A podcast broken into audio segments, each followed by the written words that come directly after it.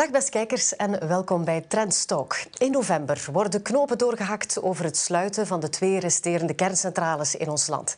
Als tijdelijke oplossing voorziet de regering gascentrales die piekmomenten in de vraag naar elektriciteit moeten opvangen. Dat is een politieke beslissing, maar de partij die ervoor moet zorgen dat het licht niet uitgaat is Elia, de netbeheerder die toeziet dat er evenveel energie op het net wordt gezet dan dat er verbruikt wordt. Mijn gast vandaag is Ilse Tant, hoofd gemeenschapsrelaties bij Elia. Uh, dankjewel om mijn gast te zijn, uh, mevrouw Tant. Uh, u bent beheerder van gemeenschapsrelaties bij Elia. Officieel is dat de Chief Community Relations Officer. Wat is dat precies? Want dat is een titel die niet zoveel bedrijven hebben, hè, lijkt me. Nee, ik denk dat ik een van de enigste Chief Community Relations Officer in België ben. Uh, maar het is ook zo, we hebben een heel groot investeringsprogramma. En dus in het kader van de energietransitie moeten we ons netwerk gaan versterken om hernieuwbare energie te gaan integreren. En dat leidt niet alleen tot versterking, maar ook tot bijkomende stukken net. En dat leidt natuurlijk tot heel wat vragen rond waarom is dat nodig en waarom moet dat daar komen en niet daar. Wat is de impact op het milieu? Wat kunnen jullie eraan doen om de impact een stukje te gaan mitigeren? Kunnen jullie extra meerwaarde gaan creëren voor die omgeving? En dus die dialoog met die omgeving is daarin essentieel. En hoe pak je dat dan aan? Ja, dat pak je aan door eigenlijk in een heel vroeg stadium met die verschillende stakeholders te gaan samenzetten. En dat gaat zowel over de lokale boer als de gemeente, als de KMO, als de provinciegouverneur, als ook belangenorganisaties. Hè. Heb je de BBL, je hebt FOCA, je hebt de Boerenbond, die ook een stukje elk een eigen belang gaan vertegenwoordigen in het verhaal. Maar je hebt ook op politiek niveau de vergunningsverleners, op gewestelijk, op federaal niveau. Dus als ik spreek over omgeving, dat is heel breed. Maar ik denk een van de essentiële punten is een heel vroeg stadium gaan kijken van kijk, mensen gaan informeren. Het gaat over een project. Uh, het is nodig voor die en die redenen. We zouden het eigenlijk op die manier willen gaan uitwerken, informatiemomenten organiseren en ook die feedback die je op dat moment krijgt dan ook gaan meenemen, gaan integreren om jouw project beter te maken. Want wij hebben toch wel een beetje een brugfunctie. Mijn dienst heeft een brugfunctie om die commentaar, die feedback die van buiten komt, naar binnen bij onze ingenieurs te brengen, zodat zij een beter project kunnen gaan maken. Maar we zien in, in, in, ons land dat er toch heel erg het uh, NIMBY-effect speelt. Not in my backyard. Dus krijg je inderdaad die, die, die mentaliteit gewijzigd dat mensen er in eerste instantie tegen zijn. Om dan te zeggen, oké, we begrijpen dat deze, uh, dat deze infrastructuurwerken nodig zijn. Ja, ik denk dat je een verschil moet maken tussen het begrijpen dat iets nodig is. En ik denk dat daar soms nog een debat moet over gevoerd worden ook. Ik denk dat wij heel vaak wel komen, maar dat is de oplossing en dat is de corridor. Maar de nood van een project en dus de realisatie van de energietransitie, want dat is hetgeen wat erachter zit. En waarom moet dat komen? En waarom blijven we niet bij nucleaire energie of gascentrales? Waarom moet al die hernieuwbare energie komen? Uh, en, en kost dat dan niet te veel? Al die vragen krijgen wij ook. Terwijl dat die vragen eigenlijk op voorhand een stukje zouden kunnen beantwoord worden in een globale discussie over wat is de energietransitie nu? Wat betekent dat voor mij? Wat zijn de voordelen die ik krijg lokaal? Een andere mobiliteit, een softere mobiliteit, een andere manier van leven, een duurzame toekomst. dat is een verhaal waar wij op vandaag ook sterk bij betrokken zijn, maar wat denk ik ook een stukje breder moet getrokken worden. En dan heb je het verhaal naar impact waar wel onmiddellijk onze rol is. En je kan geen project realiseren zonder impact. Dat is gewoon onmogelijk. Je gaat altijd wel ergens een impact hebben. En dus dan moet je ook met die mensen rond de tafel zitten om te gaan kijken hoe kan je de impact gaan mitigeren. Proberen zo weinig mogelijk huizen te gaan overspannen in een tracé. Te kijken hoe kan je dat ruimtelijk zo goed mogelijk inplannen. Kan je werken met compensaties, kan je werken met architecten. Uh, dus dat is eigenlijk het verhaal een stukje tussen het verhaal rond de noodzaak zo goed mogelijk begrijpen, waar ik denk niet alleen wij een rol hebben, maar die rol ook breder ligt. En, en de vraag rond impact, corridor en wat kan je daar dan aan gaan doen. En ja, volledige consensus ga je nooit hebben, hè? Mm. maar je moet dan wel denken rond impact vermijden. En dat denk is, ik. Uh, dat is uw job. Dat is mijn job, ja. Inderdaad. Wel eigenlijk uh, bizar dat er maar één uh, beheerder van gemeenschapsrelatie bestaat dan eigenlijk in ons land. Daar sluit ik mee bij aan, ja. ja. goed, dus Elia regelt um, de hoeveelheid elektriciteit die op het net wordt gezet, afhankelijk natuurlijk van de afname, het verbruik. Hoe doen jullie dat met een volatiele toevoer? Zeker met ja, het stijgend aantal of hoeveelheid energie die van hernieuwbare bron komt. Ja, dat is zeer wisselend. Ja. Maar er zijn verschillende middelen die we daarvoor kunnen inzetten. We zijn inderdaad verantwoordelijk om het evenwicht te bewaren tussen injectie en afname. Um, dat is eigenlijk de frequentie, die altijd uh, 50 hertz moet gaan zijn. En hoe doen we dat? Wel, we hebben enerzijds de centrales. U heeft het daar juist ook gehad in de leiding over piekcentrales. Centrales die je kan aan- en afschakelen op momenten dat het nodig is. Maar dat is bijna de last resort. Je hebt eigenlijk ook, op vandaag hebben we onze portfolio ook heel veel demand-side management. We zijn er al heel lang mee bezig, hè, waar grote klanten eigenlijk contracten hebben met ons die dan op basis van onze vraag ook een stukje hun verbruik kunnen gaan vergroten of verkleinen om die flexibiliteit te gaan aanbieden, daar ook voor vergoed worden. Er zijn ook sinds een aantal jaar aggregatoren op de markt hè, die ook die kleine deeltjes flexibiliteit gaan verzamelen en aanbieden uh, aan de netbeheerder. En ook heel belangrijk is, denk ik, uh, ja, we werken ook aan een systeem zodat ook die pool, er is een heel grote pool op niveau van, van u en ik, hè, de residentiële consument, de residentiële afnemer, die ook zelf meer en meer met zijn zonnepanelen, met zijn warmtepomp, met zijn elektrische wagen gaat kunnen gaan bijdragen aan dat netbeheer, aan dat evenwicht van de netbeheer. Bijvoorbeeld door zijn wagen maar op te laden op het moment dat er heel veel hernieuwbare energie is. Hmm. En dan eventueel ook... Dat het sturen, hè? Echt het gaan sturen, waarvoor op vandaag wij heel hard werken aan ja, de nodige middelen om dat mogelijk te maken. Zowel naar marktmechanismen als naar prijssignalen en zo verder. En daarnaast, het laatste, is hetgeen wat u daar juist gezegd hebt, dat is dat netwerk. Hè. Netwerk is eigenlijk de grootste batterij. En dat laat eigenlijk toe als er op een bepaald moment in België geen zon of geen wind is. Misschien is er in Duitsland al zon of wind, of in Engeland. Dus als je een uitgebreid netwerk hebt, en België is een, een van de meest geïnterconnecteerde landen, ga je ook elektriciteit, hernieuwbare elektriciteit kunnen gaan halen als er op dat moment bij ons er geen is. Ja, over die interconnectiviteit, daar wil ik het ja. straks uh, nog verder over hebben. Eerst even kijken misschien naar de, de elektriciteitsmix in ons land. Mm -hmm. uh, van waar halen wij onze elektriciteit? Hoe wordt die uh, opgewekt? En dan zien we toch wel dat nog bijna 40 procent uh, van onze elektriciteitsvoorziening komt van kernenergie. Ongeveer een derde van gas. En dan de rest van, um, van hernieuwbare energie. Maar u zei net al, daar gaan we op inzetten. Dat is de toekomst. Maken jullie zich binnen Elia grote zorgen over het ja, politieke gehakketak, over het al dan niet sluiten van die twee resterende kerncentrales? Want het gaat hier wel over 40 procent van onze energievoorziening. Wel maken we ons daar zorgen over. Uh, ja, wij werken binnen het kader van een beleid dat, en de beslissing waarmee wij werken is een nucleaire exit in 2025. Natuurlijk, als die beslissing om de haverklap verandert, is het ook heel moeilijk voor ons om scenario's en planningen te gaan maken. In dat kader hebben we reeds in 2018, hè, toen de nucleaire exit uh, was beslist, hebben wij een eerste uh, studie gemaakt rond bevoorradingszekerheid om een stukje ook aan de alarmbel te gaan trekken uh, van kijk, uh, ja, het is goed om iets te beslissen, maar wat komt er voor in de plaats? We hebben ook berekening gemaakt van hoeveel capaciteit hebben wij dan nodig om daar in de plaats te komen? Uh, gaat die capaciteit er vanzelf komen? Zijn er voldoende incentives op de markt? Betekent is de marktprijs of zal de marktprijs hoog genoeg zijn om die nieuwe productiecapaciteit te laten en komen? hoeveel gascentrales zouden moeten gebouwd worden volgens Elia om het wegvallen van kernenergie te compenseren? Wel, uit onze laatste studie blijkt 3,6 gigawatt. Dat is iets minder dan de vorige studie. Dat hangt ook sterk af van de veranderende scenario's in de omliggende landen. Hè, die natuurlijk met dezelfde vragen kampen zoals wij. Hoeveel hernieuwbare energie komt erbij? Kolencentrales die sluiten, nucleair die gaat sluiten. We zien in Europa, zien we eigenlijk in de komende uh, vijf jaar, denk ik, of tegen 2030, dat er in totaal 90 gigawatt aan kolen en nucleair gaat sluiten.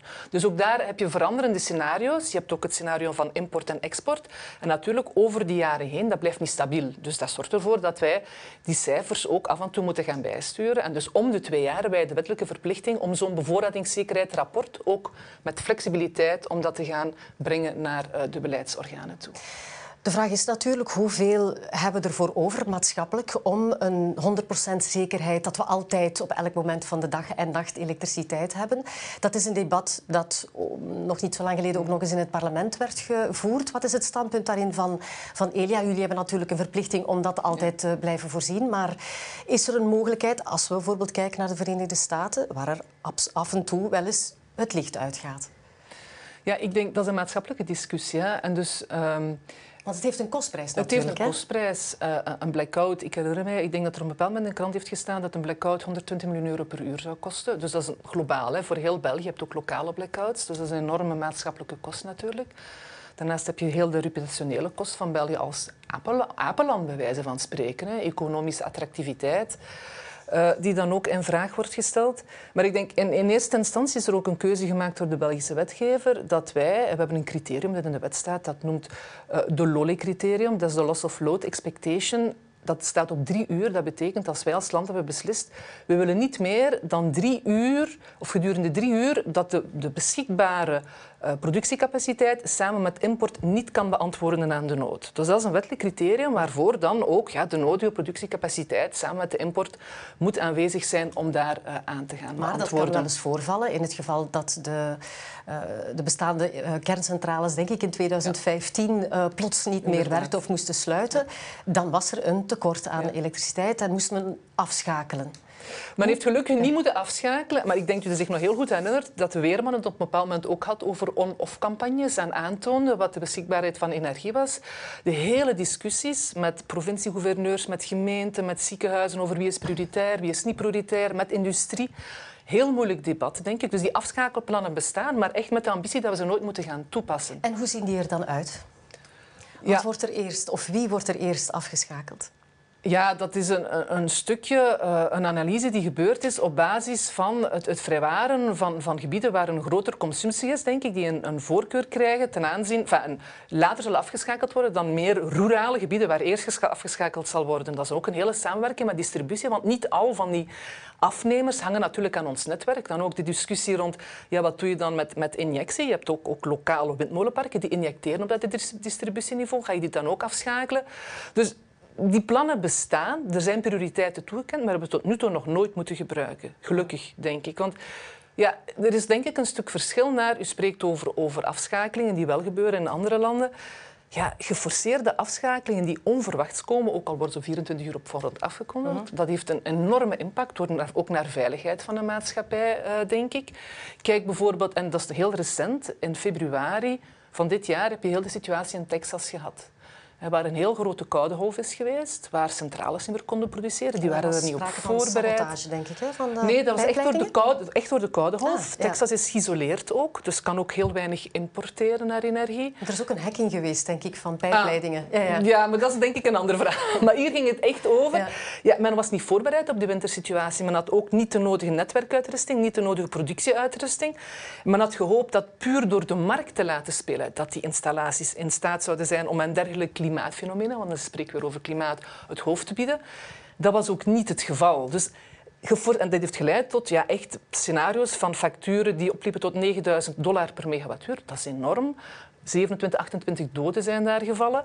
Ja, dus dergelijke rampscenario's zullen we niet meemaken. Maar wat wel belangrijk is, en dan kom ik terug naar die variabiliteit, is die geforceerde afschakeling, dat is een laatste redmiddel. En dat willen we eigenlijk niet hebben als maatschappij. Maar wel die flexibele afschakelingen. Namelijk klanten, u, ik, industriëlen, aggregatoren, die zeggen van ik heb een portefeuille van flexibiliteit. Ik wil mee samen aan die flexibiliteit van dat net, aan die stabiliteit van dat netwerk gaan werken. En ik kan die flexibiliteit ook gaan aanbieden. Dat is echt in het, in het kader van de, de, energietransitie en die variabiliteit echt een vereiste. Uh U gaf het daar straks al heel even aan, wat ook kan um, meespelen natuurlijk, uh, om niet tot een blackout, een afschakeling te komen, is dat je uh, burgers um, bewust maakt van hun verbruik en bijvoorbeeld wanneer laden zij hun elektrische ja. wagen op. Hè. We gaan naar veel meer elektrificatie van ons, van ons wagenpark. Dat is een zeer grote verbruiker. Hoe ver staan we daar bijvoorbeeld met de autosector dat een batterij thuis ook kan teruggeven aan het huis. Dat we zeggen, we hebben het net niet nodig. Ik gebruik nu vanavond wel even de elektriciteit van mijn wagen. Ik denk dat men daar op vandaag wel echt mee bezig is. Ik denk dat er ook al bevestigingen zijn gekomen vanuit de automobielsector dat er batterijen zijn die dat mogelijk maken. Dus technisch is er eigenlijk geen probleem. Want was er een discussie, een batterij die veel op- en afgeladen wordt, is dat een probleem.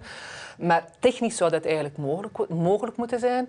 Ik denk een stukje wat er nog mankeert, is het hele marktdesign. Namelijk ook effectief een prijsincentive gaan krijgen als consument. Nu moet je het doen, nu moet het gebeuren. Of het gebeurt automatisch door een tussenleverancier erin zet. Maar nu is de prijs goedkoop. We gaan niet zelf, denk ik, 24 op 24 uur een prijs gaan opvolgen. Het is echt dat prijssignaal, die moet komen. En, en, en ook de mogelijkheid ja, om, om die, die, die energieblokken dan ook effectief te gaan uitwisselen. Dus dat hele marktsysteem waar we op vandaag gebonden zijn aan één leverancier. Sommige mensen blijven daar een leven lang aan verbonden. Die, die vinden het ook niet nodig om energieprijzen te gaan, gaan uh, vergelijken. Maar waar we gebonden zijn aan, aan één leverancier, die ons niet toelaat om bijvoorbeeld, ja, we willen vandaag, we gaan op reis, 14 dagen, we willen de zonne-energie van ons van ons zonne, zonnepanelen. Windmolen heb ik nog niet staan in de tuin, dat pakt te veel plaats, dat gaat niet. Maar zonnepanelen aan mijn kinderen geven, duren de 14 dagen. Ja, dat kan je niet. Hè. Je hebt die flexibiliteit niet. En dus dat hele mechanisme ook de mogelijkheid om een stukje competitie te hebben achter de meter. Dus dat je niet een basisleverancier hebt die het alles voor jou gaat afrekenen, maar dat je ook zelf kan handelen met ik kan mijn elektriciteit ook aan mijn zoon of mijn dochter gaan uh, ter beschikking stellen. Die gaat mij daarvoor betalen. En ik kan uh, dat aan de lokale KMO, want we hebben ook use cases. Hè. Wij bestuderen in ons project Internet of Energy, dat is eigenlijk een ecosysteem waar we met 60, 60 partners gaan bekijken. Het vraag die u stelt, hè.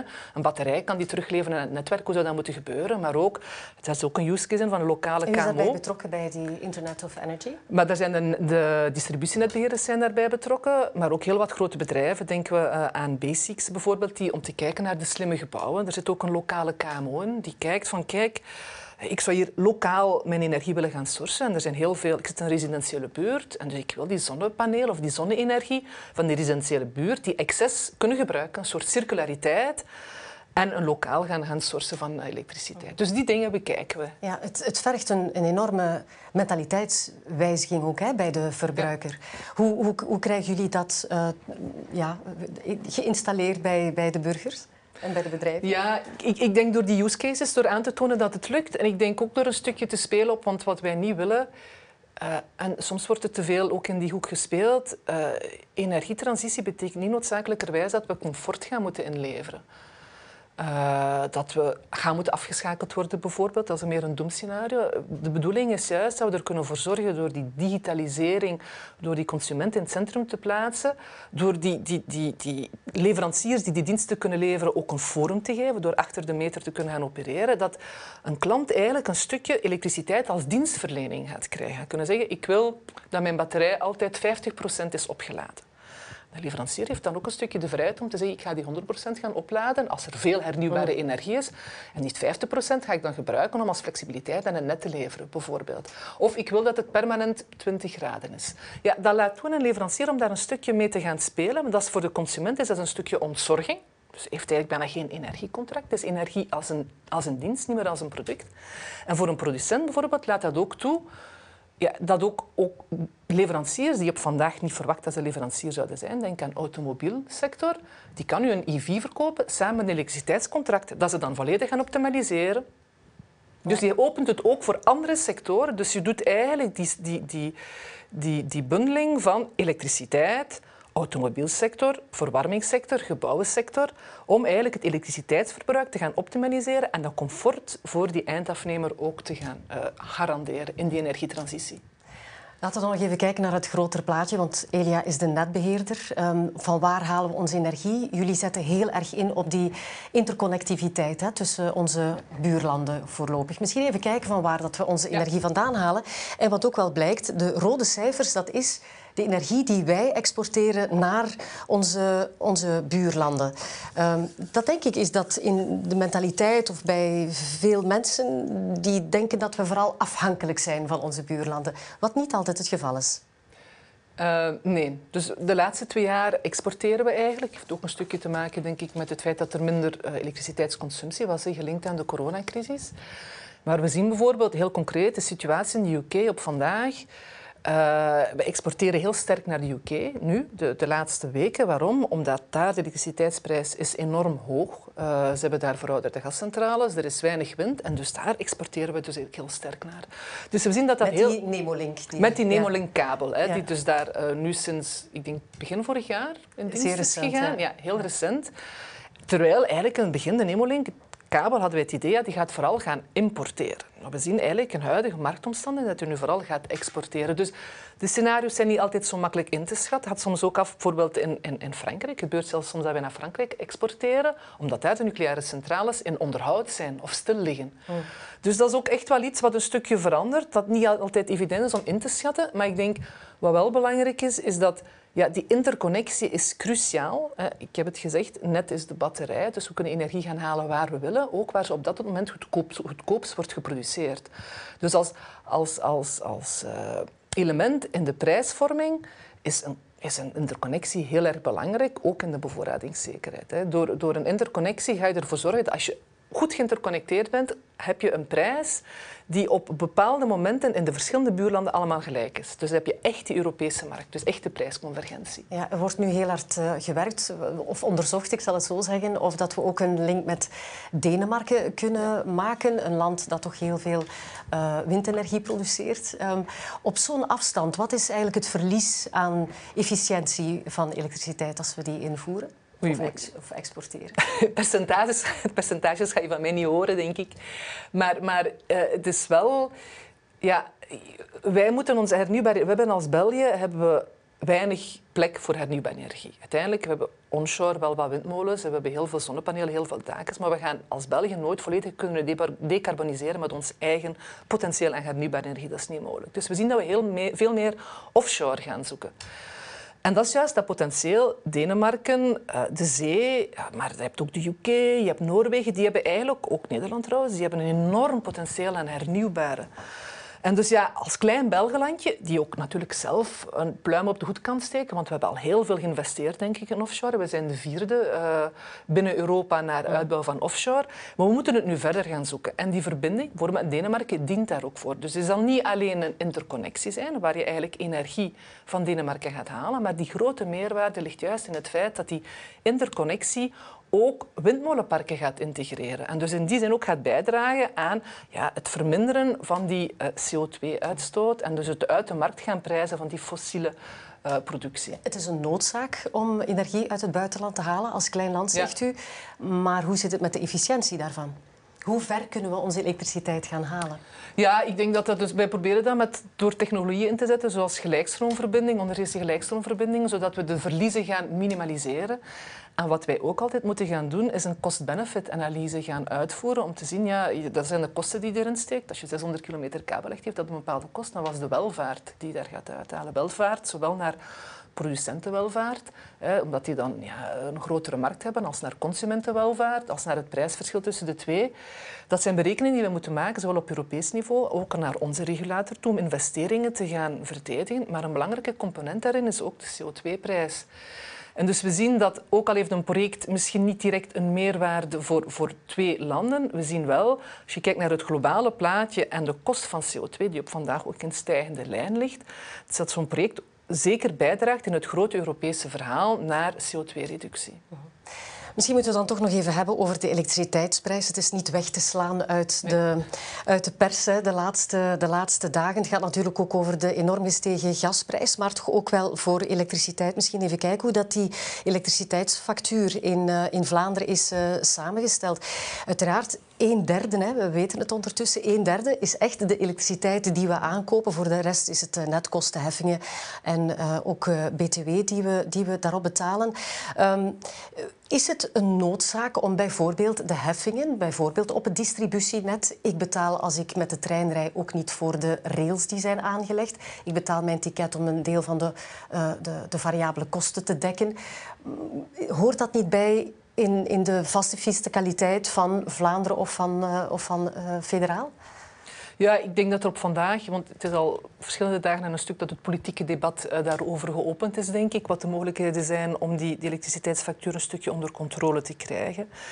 Ja, enerzijds heb je het stukje rond, rond de commodity, zoals men ook heel duidelijk zegt. Dat is een stukje de markt hè, die speelt de markt naar schaarste, naar aanbod. Je hebt ook de hele, het verhaal rond CO2-pricing. Wat denk ik ook wel een belangrijk element is in de hele Green Deal van Europa. Dat incentive naar ja, die CO2-reductie, waardoor dat bedrijven ook een stukje hun gedrag moeten gaan aanpassen. En dat zie je op vandaag, dat gebeurt ook wel. Maar ja, we zien ook wel in de elektriciteitsfactuur, dus die markt denk ik, dat, dat, dat, dat werkt een stukje en, en, en dat heeft ook de juiste incentive. Maar we zien, ja, die elektriciteitsfactuur is bijna een stukje een verzameling van allerhande andere belastingen en heffingen die daar misschien niet thuis horen. En daar dat, denk ik... dat motiveert natuurlijk niet voor een particulier om, om effectief te gaan besparen. Want een aantal, een aantal kosten in die factuur, dat zijn quasi vaste kosten. En niet afhankelijk van het effectieve verbruik. Nee, inderdaad. Maar ik denk dat daar ook, ook een stukje politiek moet nadenken wat de beste oplossing is. Maar, maar, het is wel duidelijk, in het kader van een energietransitie, waar je eigenlijk ziet dat er een, een sterkere elektrificatie moet komen. Want via elektrificatie, elektriciteit is dus de meest efficiënte energiebron. En dat kan je gaan vergroenen via de integratie van hernieuwbare elektriciteit. Als je wil dat men elektrificeert, moet ook zorgen dat die factuur onder controle blijft. En als je dat niet kan garanderen door een stukje de lasten te verleggen, ja, dan heb je dat incentive niet in de markt en heb je toch wel een bottleneck voor verdere elektrificatie. Dus ik denk dat dat zeker een uitgangspunt kan zijn in de discussie van vandaag rond de elektriciteitsfactuur. Hoeveel betaalt eigenlijk de burger voor de werking van uh, Elia om het netwerk te onderhouden en uit te breiden? Ik denk de, de burger is, is, een, is een algemene verzamelnaam. Wij werken eigenlijk met types van klanten. Die, sommige onze heel grote verbruikers zijn rechtstreeks aangesloten aan het transmissienet. En naar impact zie je dat dat ongeveer 10% van hun factuur is. De residentiële consument ja, die heeft dan naast transportkosten ook nog distributiekosten. Voor transportkosten betaalt hij ongeveer 5% van zijn factuur. Hoe ziet u verder de elektriciteitsprijs ja, evolueren de komende maanden en, uh, en jaren? Zeker als we naar het sluiten van die kerncentrales zouden gaan? Ik ben niet overtuigd dat er een link is tussen de twee. Maar, maar ik denk wat er belangrijk is, één, ja, je ziet in, in de huidige markt, onze markt is een Europese markt. Uh, we zijn geïnterconnecteerd. Het is echt wel een Europese marktprijs die speelt. In een Europese markt is het, eigenlijk altijd de laatste centrale die je nodig hebt om aan de behoefte te beantwoorden die de prijs gaat bepalen. zijn op vandaag gascentrales. Ook als je daar nucleair zou toevoegen of 2 gigawatt in België zou verlengen, zou je nog altijd, het grootste deel van de tijd, zou het eigenlijk die gascentrales zijn die die prijs zouden bepalen. Daarnaast heb je natuurlijk wel het gegeven dat hoe meer hernieuwbare energie dat je hebt, ja, hoe meer dat die hernieuwbare energie ook dat die vraag gaat kunnen afdekken en dus eigenlijk die fossiele productie, die gascentrales, uit die markt gaat duwen. En dus denk ik dat dat een van de eerste dingen is waar we moeten gaan op inzetten. Dat is het massaal gaan, gaan investeren in hernieuwbare en ervoor zorgen dat die effectief in de marktprijs een determinerende factor worden. En dat we meer en meer zeker op uurbasis gaan zien dat de prijs niet bepaald wordt door die gascentrale, maar dat de prijs bepaald wordt door hernieuwbare. Maar zou het kunnen dat de prijs ook zal dalen van elektriciteit op termijn? Want er worden natuurlijk gigantische investeringen gedaan de, ja. de komende jaren om meer hernieuwbare energie op te wekken. Aan de andere kant betalen we ook wel heel veel geld, dat vergeten we soms, voor gas uit Rusland ja. voornamelijk en, en uh, fossiele of olie uh, in te voeren.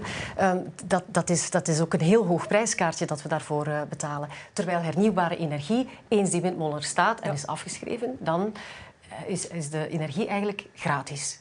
Ja, Inderdaad. Ik denk dat, we, dat er heel wat pistes zijn om, van, vanuit energietransitie om die prijs te gaan bekijken. Liggen de incentives juist in die energiefactuur? Doet men het juist om die energietransitie te gaan realiseren? kan men ook, want ik vond het interessant wat ik vandaag in de krant las, van, ik denk dat het van Ronnie Belwans kwam, van geef, geef, uh, de, geef de, de afne afnemer geen energiecheck, maar een zonnepaneel. Dus kunnen we ervoor zorgen dat, dat ook ja, die discussie rond energiearmoede, de, de mensen die, die een sociale woning hebben, dat die ook kunnen participeren in de energietransitie. Kunnen we gaan samenwerken met sociale huisvestingsmaatschappijen, bijvoorbeeld om ervoor te zorgen dat die nieuwe gebouwen die ze zetten, of de renovaties die ze doen, dat die slim zijn, zodat er een verlaging is van de elektriciteitsfactuur. En dat ook die, die, die, die sociale tarieven eigenlijk uh, ja, kunnen afgebouwd worden. Ja, want nu heerst er echt wel een, een, een sfeer van paniek, hè, dat dit ja. een eindeloze stijging van uh, energiefacturen zullen worden. Ja, maar ik denk dat het terecht is. Aan de markt kan men niet veel doen en er moeten ook bepaalde incentives uh, gegeven worden. We zien het ook rondom ons in de gesprekken die wij als netbeheerder hebben met onze grote klanten, met onze industriëlen zien we dat hen, vroeger was vooral mobiliteit voor hen een uitdaging en arbeid. Op vandaag is een van de grootste uitdagingen voor hen de energietransitie. Hoe vergroen ik mijn productie? En dat is een stukje het verhaal van de wortel, want er zijn ook consumenten die willen betalen, een, een, een premium betalen voor een groen product, maar ook een stukje van de stok. Want ja, met alles wat Europa op vandaag in plaats zet, zowel naar ETS-systeem als, als koolstoftax, maar ook naar groene financiering, ja, is het ook belangrijk om, om jouw productie te gaan verduurzamen. Dus ik denk dat dat wel ja, dat er wel bepaalde incentives zijn die terecht zijn. Maar anderzijds, ja, de diversiteitsfactuur die van alles en nog wat bevat, dat is misschien dan niet meer het juiste. Om af te sluiten, mevrouw Tant, misschien nog even kijken naar de, de toekomstperspectieven van, uh, ja. van Elia. Er staan een aantal zeer grote investeringen op stapel. Vertel eens. Er zijn inderdaad een aantal heel grote investeringen die dus opnieuw als belangrijkste driver energietransitie hebben. Aansluiting van offshore, uh, antwoorden aan toenemende elektrificatie, maar ook lokale versterkingen dan verder gaan ondersteunen dan in het kader van economische attractiviteit. En dan spreken we vooral over het, het, het verhaal van ja, het energie-eiland of het eiland op zee, uh, dat ook deel uitmaakt van het Belgische relanceplan. Uh, dat dan ook een soort hub in de zee zou moeten gaan worden, waar we dan uh, effectief ook de windmolenparken kunnen gaan aansluiten. Die energie moet natuurlijk aan land gaan komen. Dat zal dan gebeuren via een nieuwe hoogspanningslijn in West-Vlaanderen, het Ventulis-project. En dan eigenlijk verdere aansluiting aan ons net vinden van een nieuwe hoogspanningslijn in Wallonië, in Henenhouden, Boucle Diano. Dus in ja. totaal spreken we toch gemakkelijk over 2 miljard investeringen voor die drie projecten samen. Dus uh, u heeft veel werk uh, voor de boeg de komende tijd, hè, om dat allemaal acceptabel ja. te maken en om de gemeenschap dit, dit, warm te maken ja. voor zo'n project. Oké, okay, dankjewel voor het zeer fijne gesprek. dankjewel. En graag wil ik u bedanken voor het kijken, dames en heren. Ook volgende week is energie het gespreksonderwerp in Trendstalk. Collega Jozef van Gelder praat dan met de nieuwe general manager van het onderzoekscentrum Energyville, Gerrit-Jan Schafer. Ik wens u een zeer fijn weekend.